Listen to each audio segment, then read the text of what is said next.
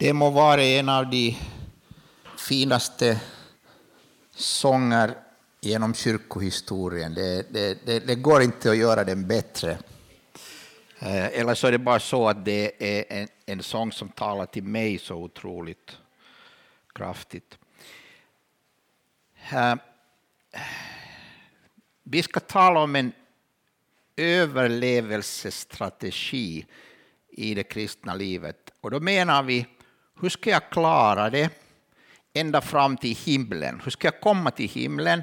Hur ska jag klara det så att jag inte går vilse under vägen, så att jag inte äh, blir utbränd, äh, slut ger upp med den kristna församlingen, den kristna äh, tron och så vidare när det gäller tron. Vi talar nu alltså om, om det andliga livet och vi talar också om det mänskliga livet som vi har, som vi alla har.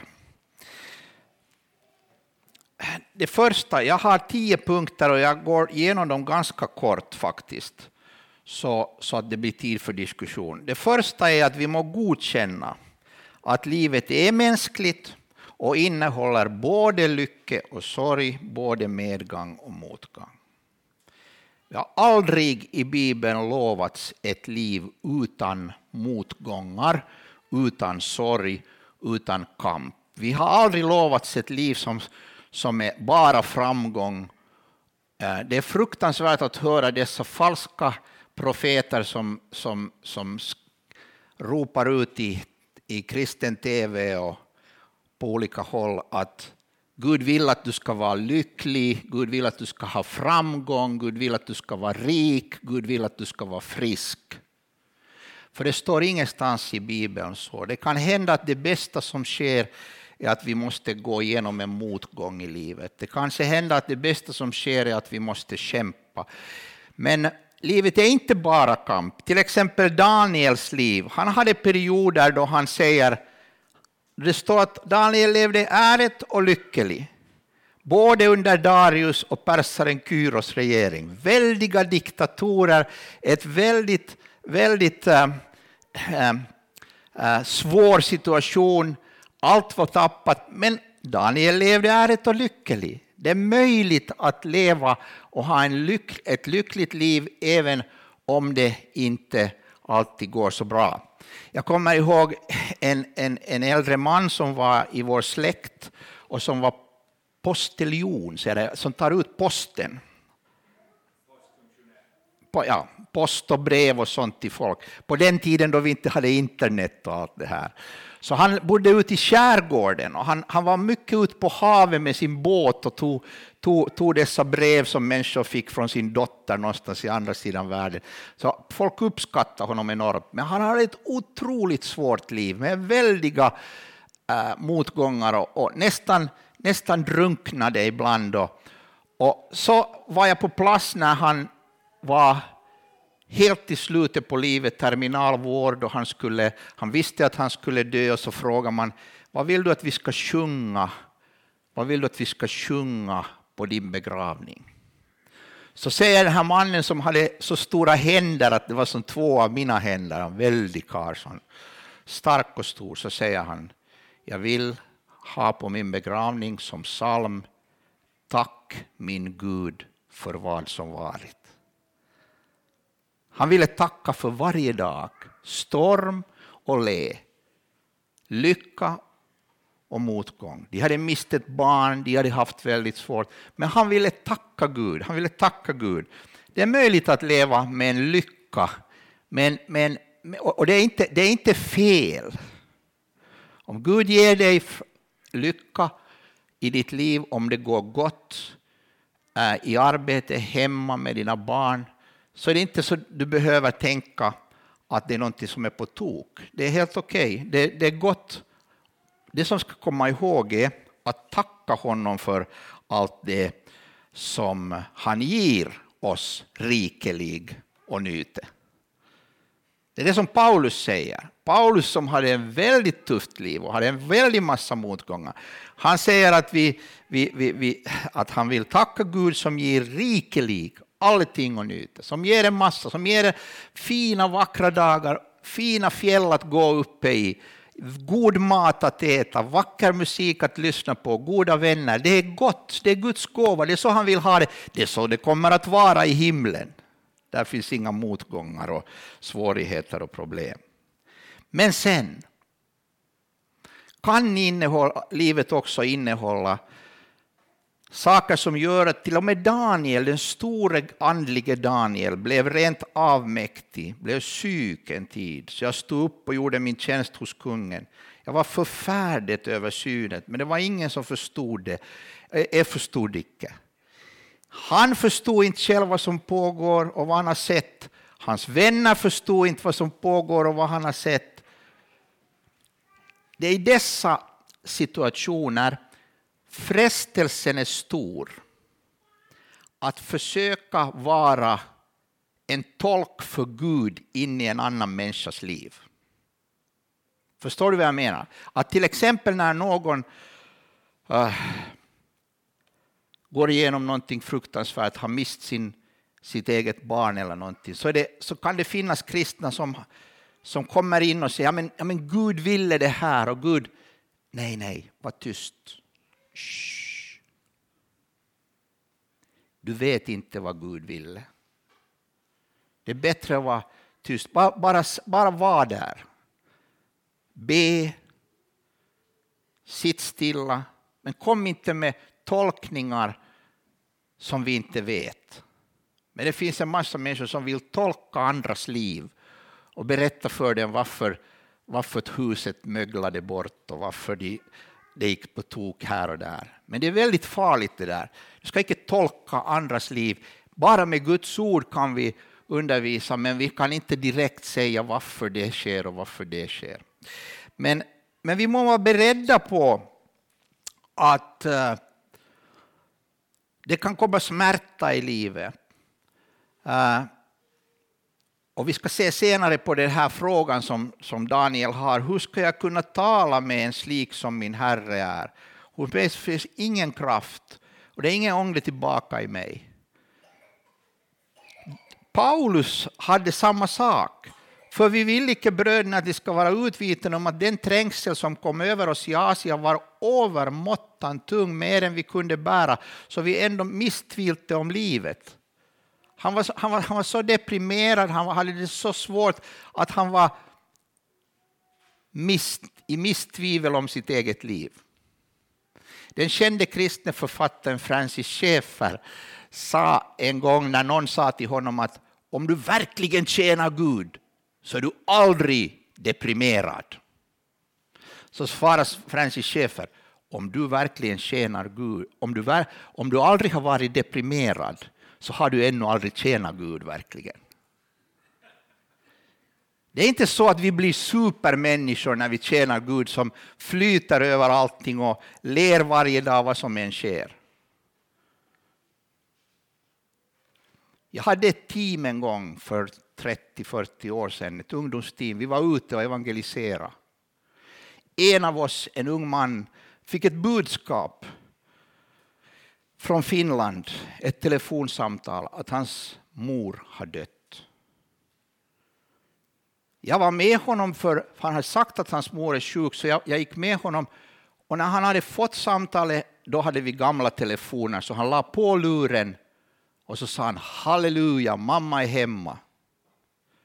Och så gick han med en, med en, med en smil hela dagen och han, han var glad och allting. Men det var någonting som kändes så iskallt inne här. För det var någonting som inte var äkta.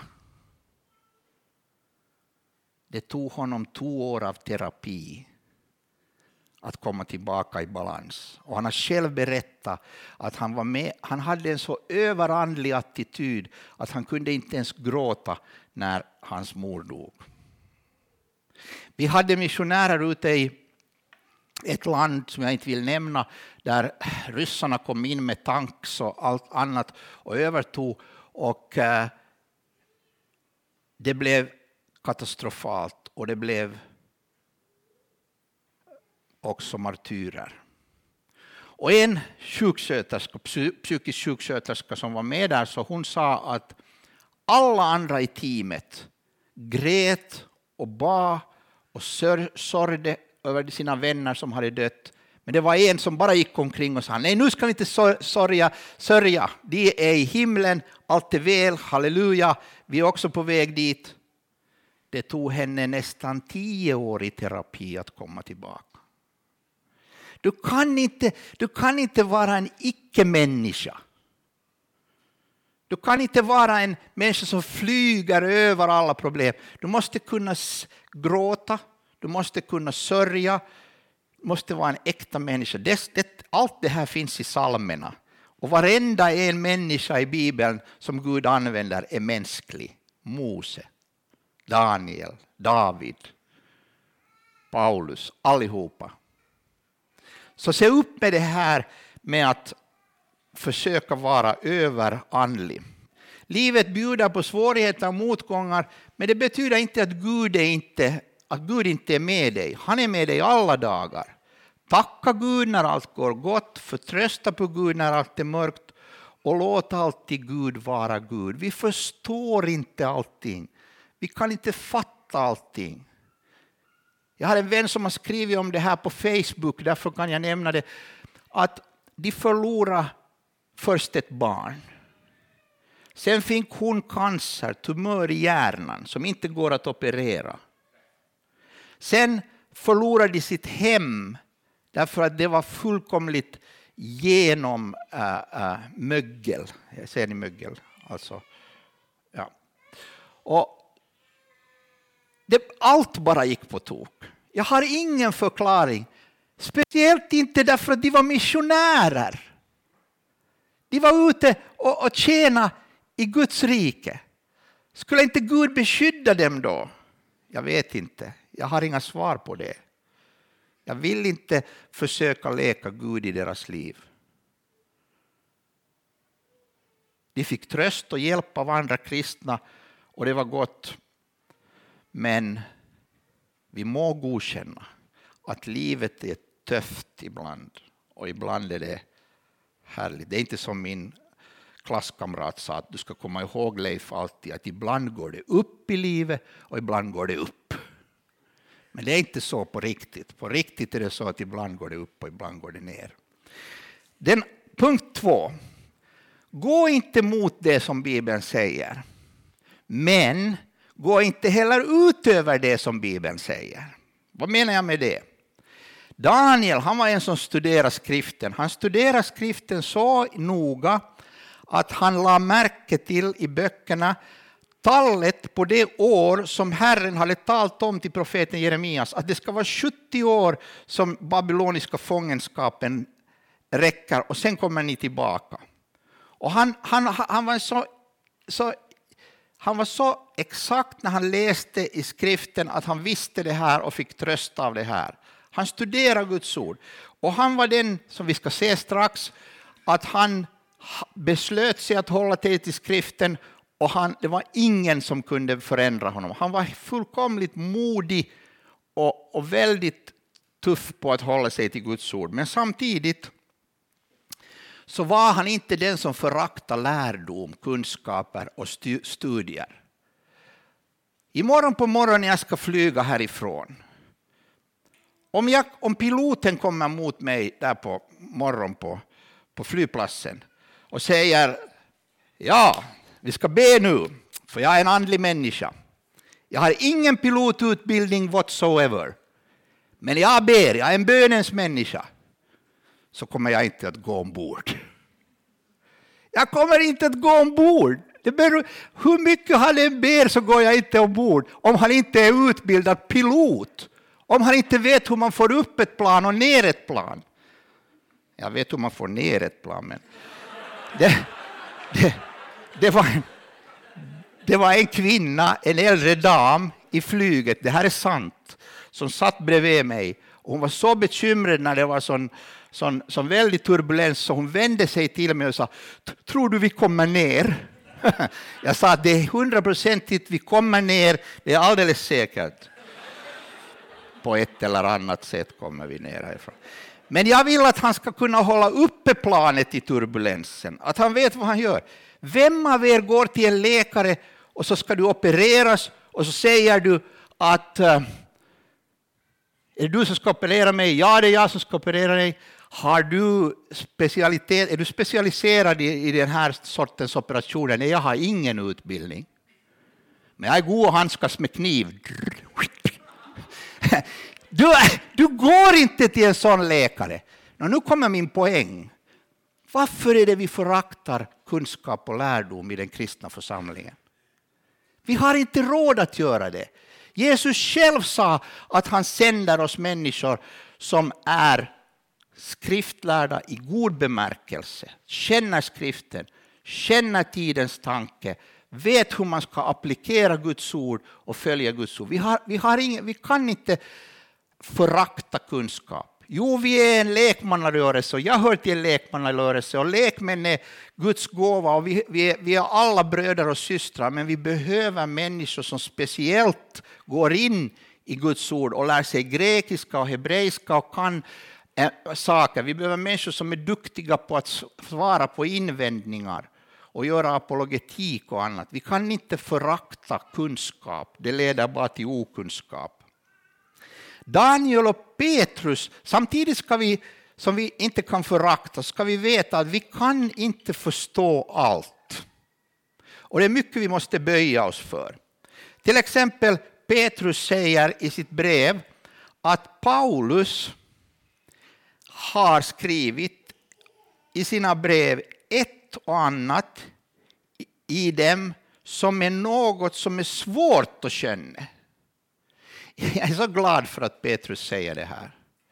För jag fattar inte ett dugg vad Paulus menar ibland. När han säger någonting. Jag sa, vad i hela världen betyder det här Paulus? Och så, så har du Petrus bredvid dig som säger, inte vet jag heller. Och så har du Johannes, vet du? Nej. Vi får fråga Jesus. Alltså det, det, det är bara så att vi icke förstår allt. Det finns frågor som det inte finns något svar på. Det finns frågor i den kristna tanken som är jätte, jättesvåra. Frågan om förutbestämmelse. Det är en väldigt tuff fråga. Jag kommer ihåg när min dotter pressade mig på det där. Pappa, är det så att vi själv väljer? Ja, jo, det är så att Gud har valt oss. Okej, men varför har han inte valt alla? Nå, jo, men han ville välja alla. Och så gick vi vidare, vidare. Jag vill inte gå igenom det nu. Men hon var mycket, så tuff att jag nästan gav upp. Men när vi kommer till en gräns då vi måste säga, jag böjer mig för vad Guds ord säger, jag håller mig till vad Guds ord säger. Men jag vet inte svar på alla frågor. Jag har inte svar på alla frågor. Och så ska vi väldigt noga se upp för sekter och sektledare som bara väldigt kort, binder människor till utom bibliska bud, har en massa extra bud som aldrig står i Bibeln, säger sig vara direkt ledda av Gud i allt de gör och mottar övernaturliga uppenbarelser från Gud. Det kom en, en man till Finland för en tid sedan som kallades profet Ovuro. Profet Ovuro. Och jag mötte en kvinna på, på, på flyget som var väldigt, väldigt uh, Eh, sån här tuff discipel av, av profet Ovuro. Och profet Ovuro, han visste allt som ska ske i framtiden. Han tog emot direkta uppenbarelser från Gud och så vidare. Det senaste jag hörde av, profes, av profet Ovuro var att han hade varit någonstans i universum och skapat några nya planeter. What? I det skedet, när du hör sånt, så har jag bara ett råd till dig. Se dig omkring. Se efter en sån där skylt som står så där. Ibland står det exit. Och använd den dörren. Så fort du kan. Ge dig iväg så fort som möjligt. De här människorna förstör din själ och ditt liv och de, de tar dina pengar. Lär att bara det som tillhör denna grupp är sanna kristna. Det hör typiskt till sekterna, bara vi. Bevar jag, Gud och vi. Och ingen annan är kristen. Uppträder auktoritärt och diktatoriskt. Och väldigt, väldigt ofta är det fiffel med pengar och så blir det sexuella övertramp. Och så, så när man kritiserar det så sägs det att du kritiserar Guds utvalde och så kan du inte göra det och så ber man dig kapa alla band med familj och andra kristna. Jag har försökt hjälpa unga människor och föräldrar där barnet inte längre har någonting att göra med sina föräldrar därför att sektledaren har förbjudit dem att resa hem och ringa sina föräldrar. Det här är allvar, det här är tufft. Och när det kommer in på det här så ska du fly för livet. Fly för livet. Håll dig till det som är sunt, balanserat, ödmjukt och sant. Samvetet ska vara bundet enbart till Guds ord. Varken jag eller någon annan har någonsin rätt att binda någon annans samvete till någonting som inte står skrivet. Jag kan säga till dig att Guds ord säger så här och så här. Jag hade en god diskussion med en av mina söner en gång om det här. De var väldigt små. Och så hittade någon på att vi skulle ha sån riktigt småbarns diskotek, säger ni det? Diskotek? Diskotek, disco. Sån eh, dans. Sån. För riktigt små barn. Och så funderade vi med min fru och så sa vi nej du, du, du, är allt för liten för att gå in i ett mörkt rum och är väldig musik och, och så ska du dansa eh, där med någon eh, som, som, som tioåring. What? Det är alldeles, du är alldeles för liten, du ska inte gå dit, sa jag. Och så sitter han bak i bilen. Han var dessutom, han var, han var, jag tror han var ännu yngre, för de var väldigt små. De satt där bak i bilen. Och så, så hör jag den här rösten. Pappa, står det någonstans i Bibeln det där att man inte får gå på diskotek? Nej, det står ingenstans i Bibeln. Det är bara mamma och jag som har beslutat att du inte går på diskotek. Och så länge du bor hemma hos oss och är så liten så beslutar vi, och det här går du inte på. Så vänder han sig till sin bror och säger Ja, det skulle vara så enkelt om pappa bara skulle hålla sig till det som står skrivet.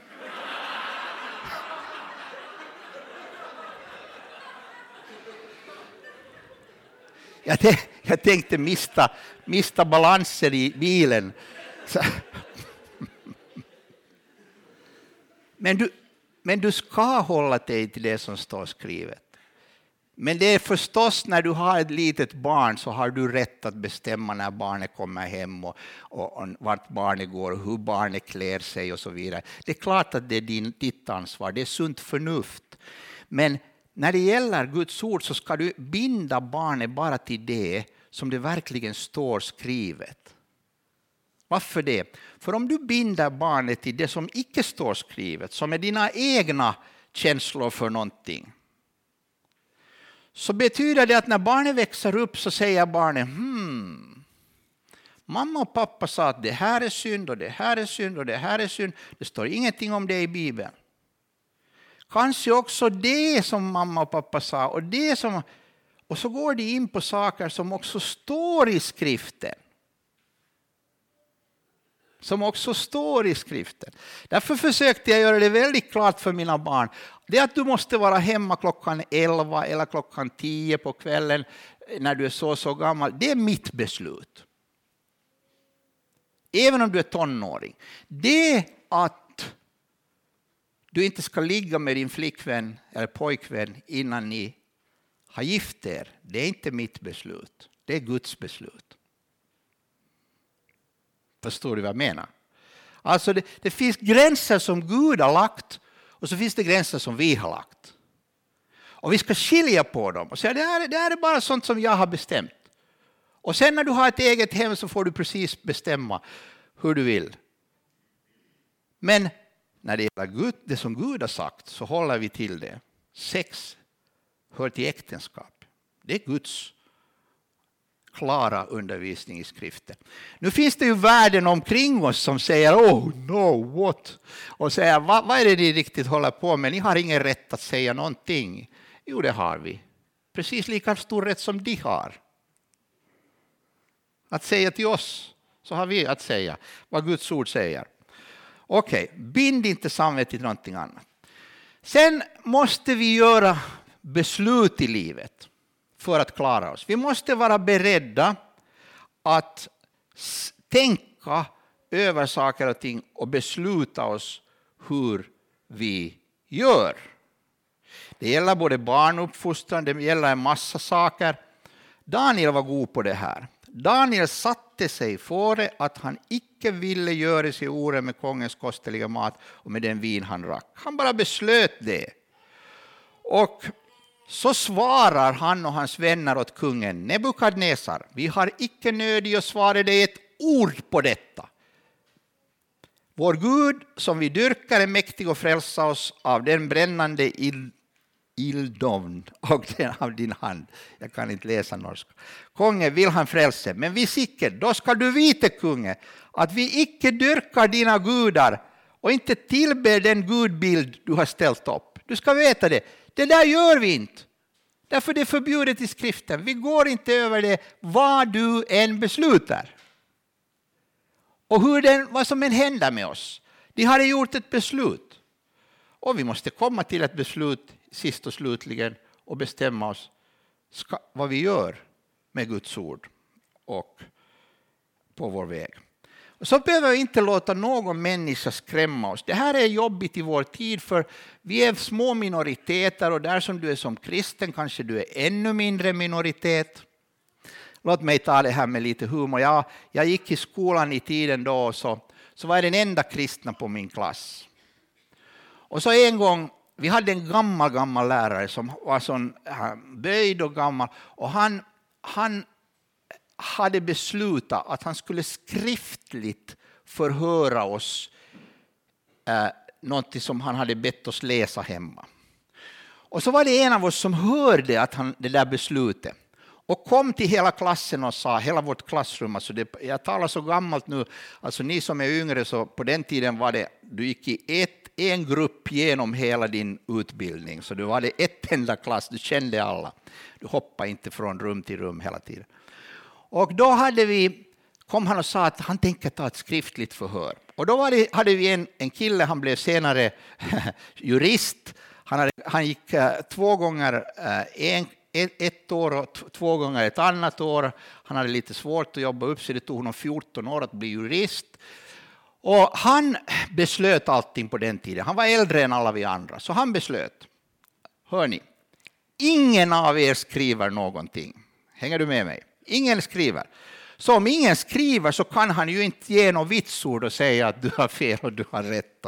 Förstår du? Och då, då, då beslöt han det här och så sitter jag där som nyomvänd kristen och så tänker jag, det här är fel. Det här är helt fel. Han har all rätt att, att, att förhöra oss skriftligt. Så jag tar penna och papper och alla mina kompisar omkring mig säger nej, nej. Alltså skriver jag, jag vet ingenting, jag har ingen aning, så jag skriver bara någonting på pappret. Så tar jag pappret så går jag igenom klassrummet upp till läraren, lämnar mitt papper, vänder mig om och sluter nästan mina ögon för alla stirrar på mig. Mm. Och så gick jag ut. Och så blev det paus. Och så kommer alla ut. Och så kommer den här stora killen som är 20 cent längre än alla andra. Och så han, han har alltid två sådana bodyguards med sig, var, var han än rör sig. Jag vet inte varför. Men han har alltid två sådana. Och så kommer de alla tre. Och jag går bakåt och bakåt och bakåt tills jag är mot väggen. Och så kommer han framför mig och så stirrar han mig i ögonen och sa, tänkte att hur många det känns att dö för tron? Och så tänkte jag att kanske det passar med Fader vår här. Och så står jag där så stirrar han på mig och så säger han så här. Det var verkligen modigt. Det var tufft. Det var tufft, säger han och så går han bort. Och så tänkte jag, min mening, mitt liv har en mening för jag har någon uppgift. För jag dog inte som martyr som ung. Men du måste, den lilla upplevelse har hjälpt mig så många gånger. Därför att om du ska vara kristen idag och stå på ordets grund så måste du stå ensam så många gånger. Du måste stå, jag har stått ensam i kyrkomötet, jag är inte helt ensam, men med en liten majoritet. Och i många andra sammanhang. Och du måste kunna låta bli att bli skrämd av människor och följa Jesus. Du behöver mod. Tänk hur han tilltalar den här diktatorn här, Daniel. Men du, Belsasar, hans son, har icke ödmjukhet i ditt hjärta. Ändå visste allt detta. Du har upphöjt dig mot himmelens Herre. Och du har använt de här kärnorna i Guds, o, Guds hus. Och du, din, du och dina hustrur har druckit vin av dem och du har prisat dina gudar. Och icke har, du har, som icke ser och icke hör och icke har förstånd. Men den Gud i viss hand din livsande är och som råder över alla dina vänner har du icke ärat. Han predikar så att öronen är fullkomligt röda på den här diktatorn. Det vi behöver mod. Men samtidigt, vilken balans, att vi behöver en vänlighet i vår attityd. Och det finns ingen som Daniel varför är det annars vi talar om Daniel här är det att Daniel levde i en kultur som var fullkomligt vänd mot Gud och hans, hans ord. Daniel levde i en fullkomligt eh, sån här hednisk kultur. Som en troende jude som väntade på Messias som vi ser i, i, i, i sjunde kapitlet. Och han var så vänlig. Se på hur han gör. Han tilltalar sin, sina chefer och de som övar. Han säger kungen leve evinnerligen. Önskar han verkligen det? Att den där diktatorn skulle alltid finnas där? I varje fall sa han kungen leve. Då sa Daniel ett klokt och förståndigt ord, säger skriften. Ordagrant i hebreiskan talte med god smak till Arjok, hövdingen för kungens livvakt, som hade dragit ut för att dräpa Babels vismän. Han talar klokt, han talar vist, han talar vänligt.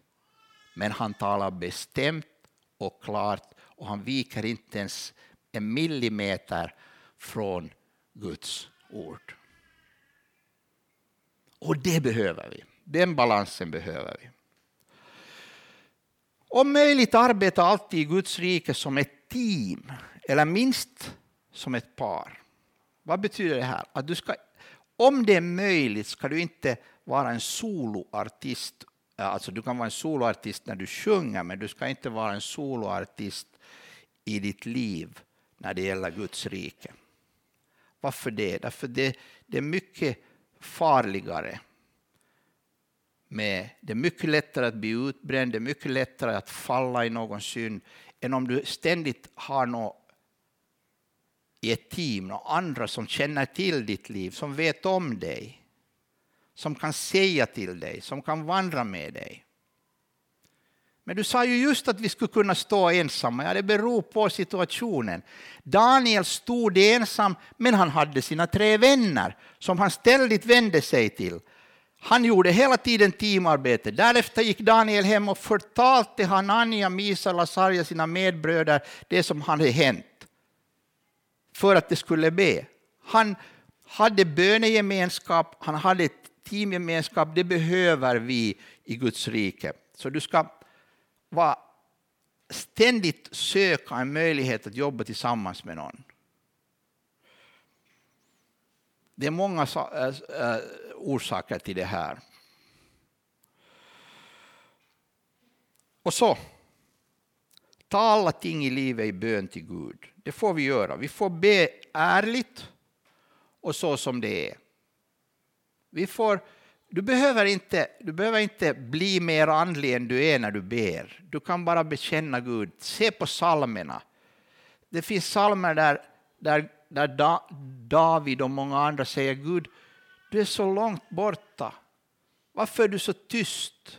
Varför gör du ingenting? Alltså en, en, en ärligt utlo, givande av, av hela sitt hjärta. Detta är sann mänsklighet. Så när du har det jobbigt får du tala om det för Gud. Och du får vara ärlig inför honom.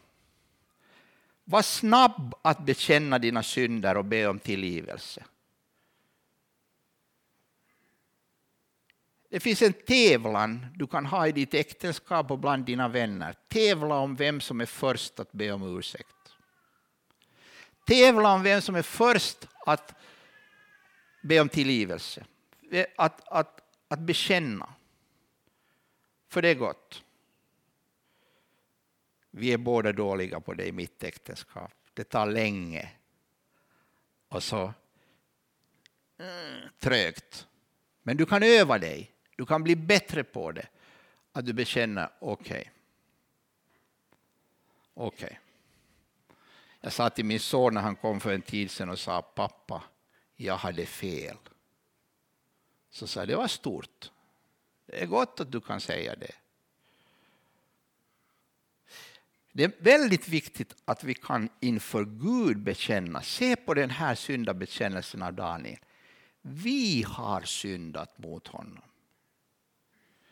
Vi bönfalte inte Herren vår Gud och vände inte om från våra missgärningar, akta inte på hans sannheten. Vi hörde inte på hans röst, vi har syndat, vi har varit... Och så bekänner han sitt, sin synd och sitt folk Israels synd. Viktigt att gå in under det här. Det är inte andra det, det, det, det, Förnyelsen börjar med Guds hus. Och syndabekännelsen borde också börja med Guds hus. Vi har syndat mot dig. För hos Herren vår Gud är barmhärtighet och tillgivelse, för vi har satt oss upp emot honom och vi har icke hört på Herren vår Guds röst och följt inte hans lover. Att gå in och, och bekänna så fort som möjligt. Och det är den bästa vägen.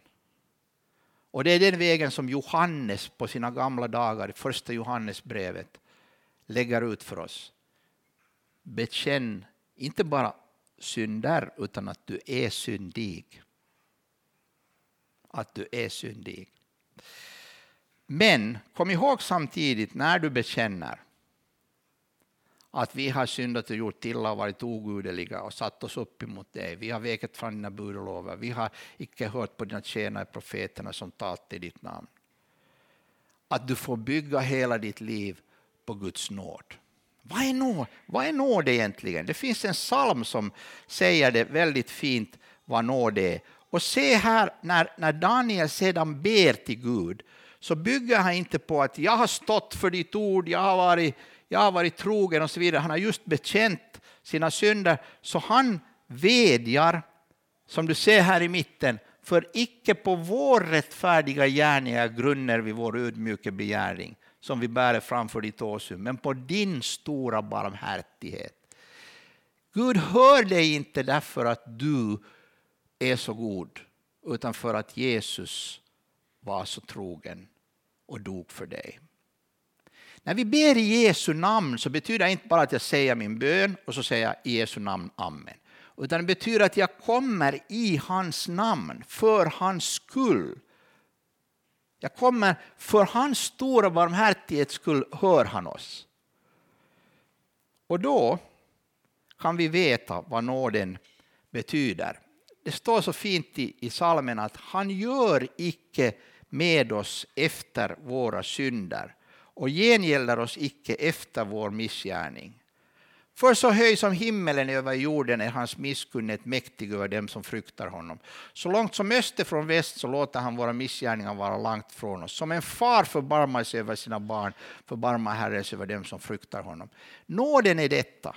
Du får inte vad du har förtjänat. Utan du får vad du icke har förtjänat. Vad är det jag har förtjänat? En evig förtappelse på många sätt och på många gånger. Vad är det jag inte får? En evig förtappelse, därför att Jesus dog för mig. Vad är det jag får? Tillgivelse och ett evigt liv. Men det har jag inte förtjänat. Jag försökte en gång förklara det här i praktiken för mina söner. Jag var ensam hemma med dem och de hade varit så fruktligt vilda. De hade sån ADHD, UMV allt, väldigt sån... Och jag var så trött och slut till slut, jag sa bara att, att, att slå er ner i soffan nu där. Och så satt de sig ner och tittade. Nu har ni varit så omöjliga, ni har varit så olydiga. Att nu gör vi så här. Nu klär ni på er, så går vi i bilen, så kör vi till, till affären, så köper vi en fem kilo eller någonting is. Och så köper vi chokladsås. Och så ska vi ha ett väldigt chokladglasskalas. Och de såg på mig som jag skulle ha mist mitt vett fullkomligt. Men jag har aldrig sett dem klä på sig så hastigt. Och så satt de i bilen, så körde vi, köpte allt, kom hem och så la vi fram jättetallrikar. Nu får ni äta en gång så mycket ni vill. Så mycket vi vill, ja. Och så när det rann ner för kinderna med chokladsås och allting, så säger den där ena som alltid tog till ordet först, den mellersta, Mikael säger, pappa, varför gjorde du så där? Så sa jag, mm, därför att det är precis så här som Gud gör med mig hela tiden.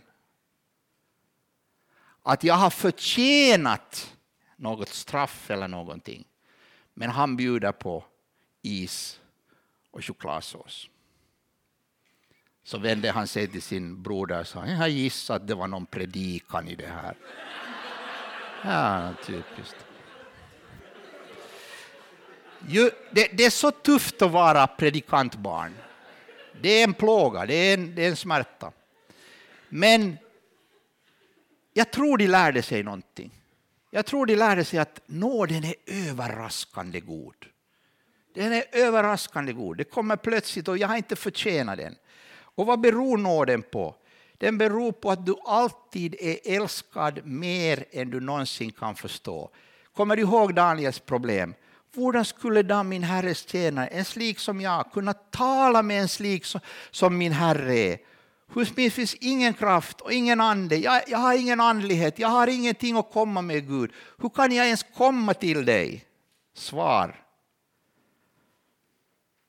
Åter rörte en som såg ut som en människa vid mig och styrkte mig och han sa Frykt icke, du höjt älskade man.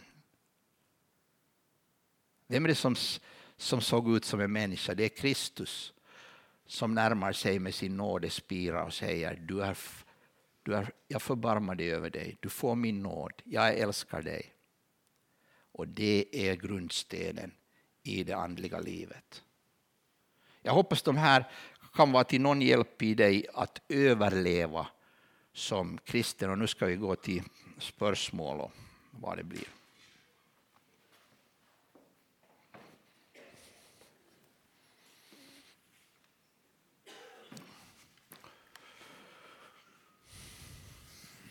Ja, tack ska du ha. Om jag får den